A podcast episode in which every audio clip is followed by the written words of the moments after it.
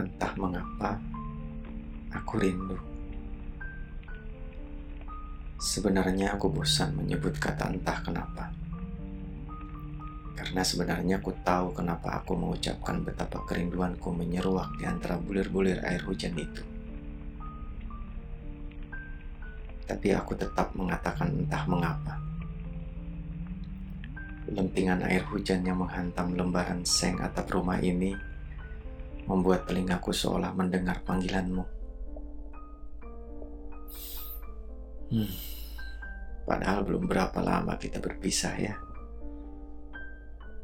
Hanya berbatas menit rasanya. Terus terang aku merasakan ini. Merasakan kerinduan. Dan tak akan pernah aku menampik bahwa aku rindu kamu. Aku rindu senyummu. Tidaklah cukup keributan hujan, desiran angin, kelamnya malam dapat mengaburkan ceracaumu, menerbangkan bau tubuhmu, dan menghilangkan wujudmu. Semua itu pasti karena aku merindukanmu. Negeri Hayalan, 16 Desember 2008